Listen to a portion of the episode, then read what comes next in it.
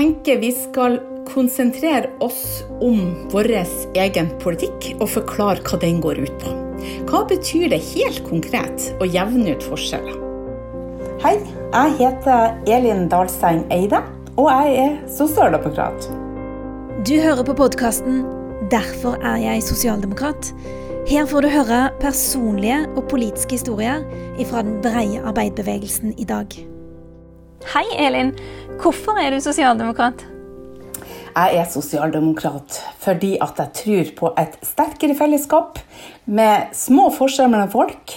Ei en linje som gjør at vi skal jevne ut forskjellene mellom, eh, mellom oss som er i samfunnet. Ønsker om et samfunn der alle kan bidra ut fra sine forutsetninger.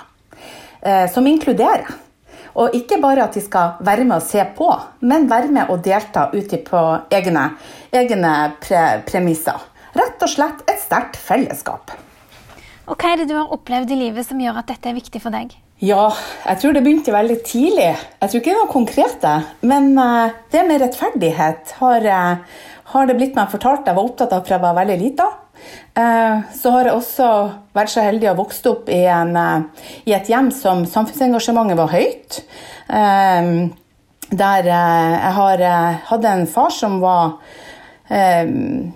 ansatt i ja, var tømrer og ble tillitsvalgt og regionalt verneombud. LO og hele familien var i grunn aktiv i framfylkinga veldig tidlig. Og det det jeg husker kanskje best fra det, det er leirene vi var på. Tromøya, um, som jo hadde en stor landsleir i jeg tror det var 84 eller noe sånt. Og, ja, noe sånt. Uh, der jeg forbinder med, med ja, rett og slett trivelige aktiviteter. Det at vi lærte å dele. Uh, rett og slett ved å være i lag og gjøre ting i lag. Rett og slett ha det artig. Du forteller at um, du vokste opp med en veldig sånn sterk rettferdighetssans. Uh, hvordan kunne det arte seg? Ja, det vet jeg ikke. Jeg tror det er bare noe jeg har i meg. Rett og slett. Uh, og, uh, og, det gjør også at gjorde også da, at jeg var ganske tidlig så var jeg sikker på at jeg skulle, skulle melde meg inn i AUF. Men det fant jeg ut da. Når jeg ble 13, skulle jeg få lov til det. Det høres litt voldsomt ut der, men jeg tror det var fordi at, at man var så, såpass si, aktiv alle sammen. Eh, men da måtte jeg altså gjennom et, eh, kryssforhør, vil jeg kalle det, på nordnorsk. Eh, av, av han pappa først og fremst, men også, også mamma. Fordi at jeg tror de var litt redd for at jeg var for prega ut av at, at alle hadde vært såpass engasjerte eller aktive innenfor arbeiderbevegelsen. Så da ble jeg stilt en del, husker ikke akkurat spørsmålene nå, men jeg måtte virkelig begrunne svarene mine. Sånn litt à la det her. Der jeg må liksom fortelle hvorfor, eh, hvorfor eh, ja, hvilket standpunkt jeg hadde i de ulike, bare for å sjekke ut at jeg faktisk forsto det sjøl. Eh, og jeg passerte. Det er jo mm.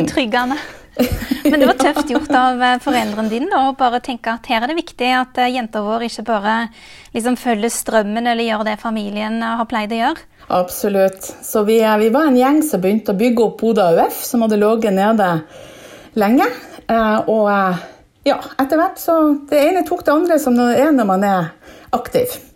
Og Utøya, og, og etter hvert da, så, så, ble det fylkesstyre og, og, eh, og ble AUF-leder i Nordland. Og så, så, så slutta jeg for så vidt i AUF da etter hvert, og så gikk det over i annet engasjement. Men eh, sosialdemokratiet, det, det har jeg bestandig tilhørt.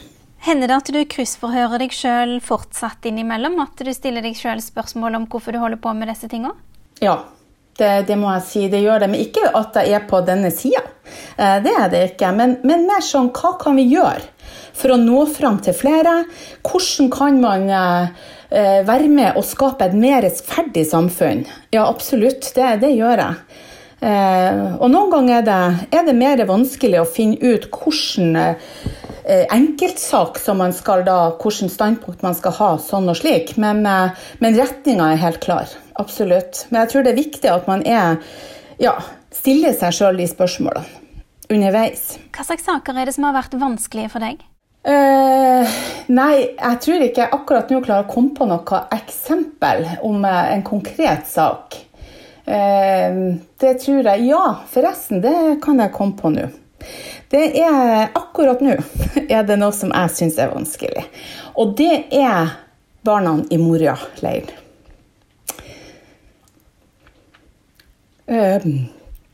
Eh, det er opp mot eh, at vi samtidig har en forpliktelse overfor våre kvoteflyktninger. Så dette er et dilemma jeg sliter med sjøl akkurat nå. Men det er et kjempevanskelig dilemma, så det Mm. skjønner jeg at du syns det er krevende. Og særlig når vi ser folk som trenger hjelp, Mm. og at vi samtidig må si at det er så mange som trenger hjelp, at til og med vi i det rike landet Norge må gjøre en prioritering. Mm, det er akkurat det. Så jeg skjønner at du syns det er krevende. Så Men det du som har grubla mye på disse tingene, hva tenker du at vi som er sosialdemokrater i dag bør gjøre annerledes? Jeg tenker vi skal konsentrere oss om vår egen politikk og forklare hva den går ut på. Hva betyr det helt konkret å jevne ut forskjeller? F.eks. For så tenker jeg at eh, organisert aktivitet for barn og unge er viktig. Og, og la oss beholde de lengst mulig organisert aktivitet, for, eh, for det er ikke alle som har råd til å delta. Eh, og det er folk som er stolt, og som ikke har lyst til å stille seg i kø på Nav for å få penger, sånn at ungene kan være med på fotballaget. Sånne type konkrete eksempler tenker jeg på. Eh, Regjeringa har jo nå kommet med kutt i briller til, til eh, barn som er veldig sterkt eh, svaksynt. Altså som trenger sterke briller. Eh, eh, eksempel, man kutter i uførepensjon. Man kutter i, eh, i dagpenger. Man kutter på så mange vis og, AAP og alt det her som gjør at folk kan havne på sosialen. Vi må konkretisere hva vår politikk går ut på på disse områdene.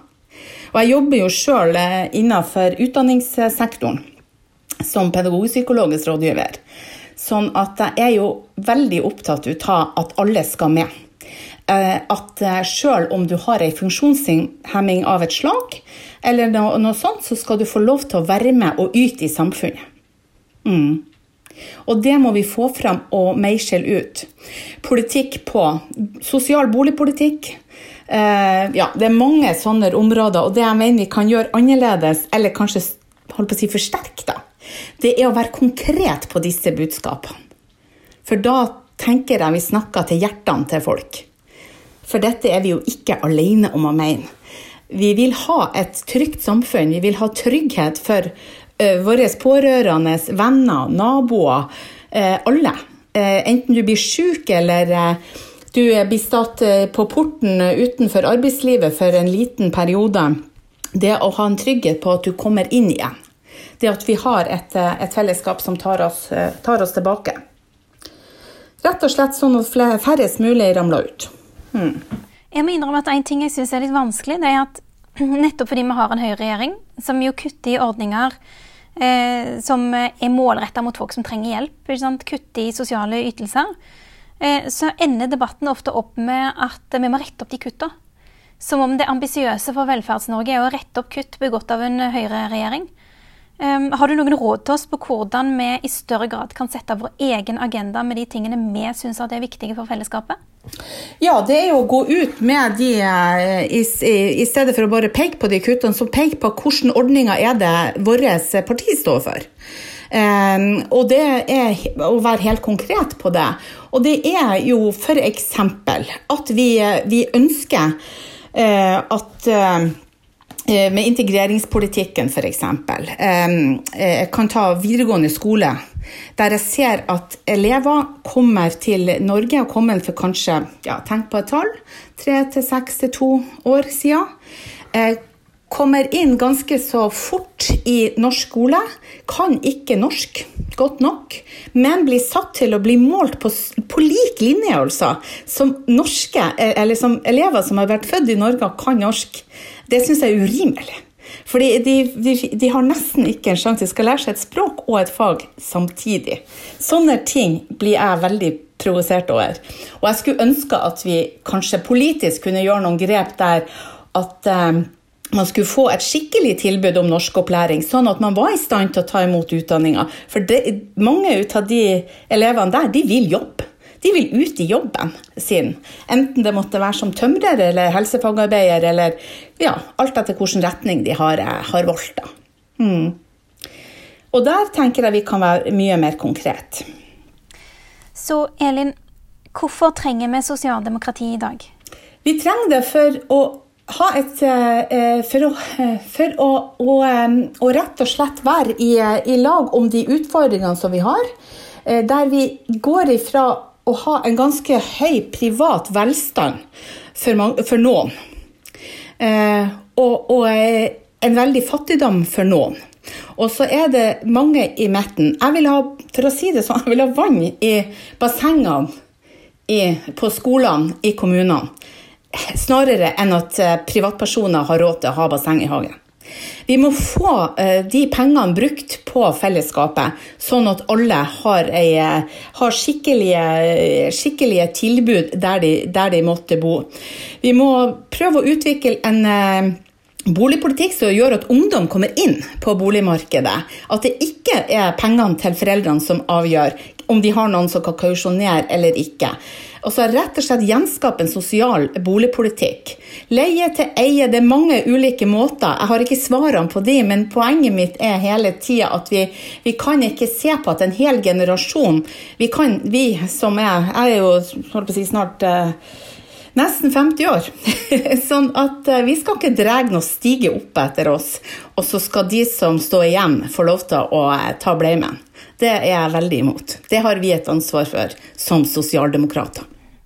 Hvorfor er fellesskap viktigere enn privat velstand? Fordi at ikke alle kan ha en privat velstand. Fordi at det er rett og slett skjevt fordelt. Eh, og derfor blir det sterkere det sterke, herregud, det sterke fellesskapet veldig viktig. Fordi at vi skal ha trygghet. Trygghet for helsa. Jeg har faktisk ikke møtt noen ennå som eh, har sjøl blitt syk eller sine pårørende og har kritisert helsevesenet. De har tvert imot rosa det. Eh, vi ser jo nå under denne koronakrisen i andre land som ikke har et sånt eh, velferdssystem eller helsevesen som Norge har, hvor folk eh, virkelig sliter. Det var en, det var en historie som, som gjorde veldig inntrykk på meg. En mann i USA som skulle få hjelp, og da lurte han på Han klarte så vidt å prate. Hvem skal betale? Tusen takk. Det var Elin Dalseng Eide.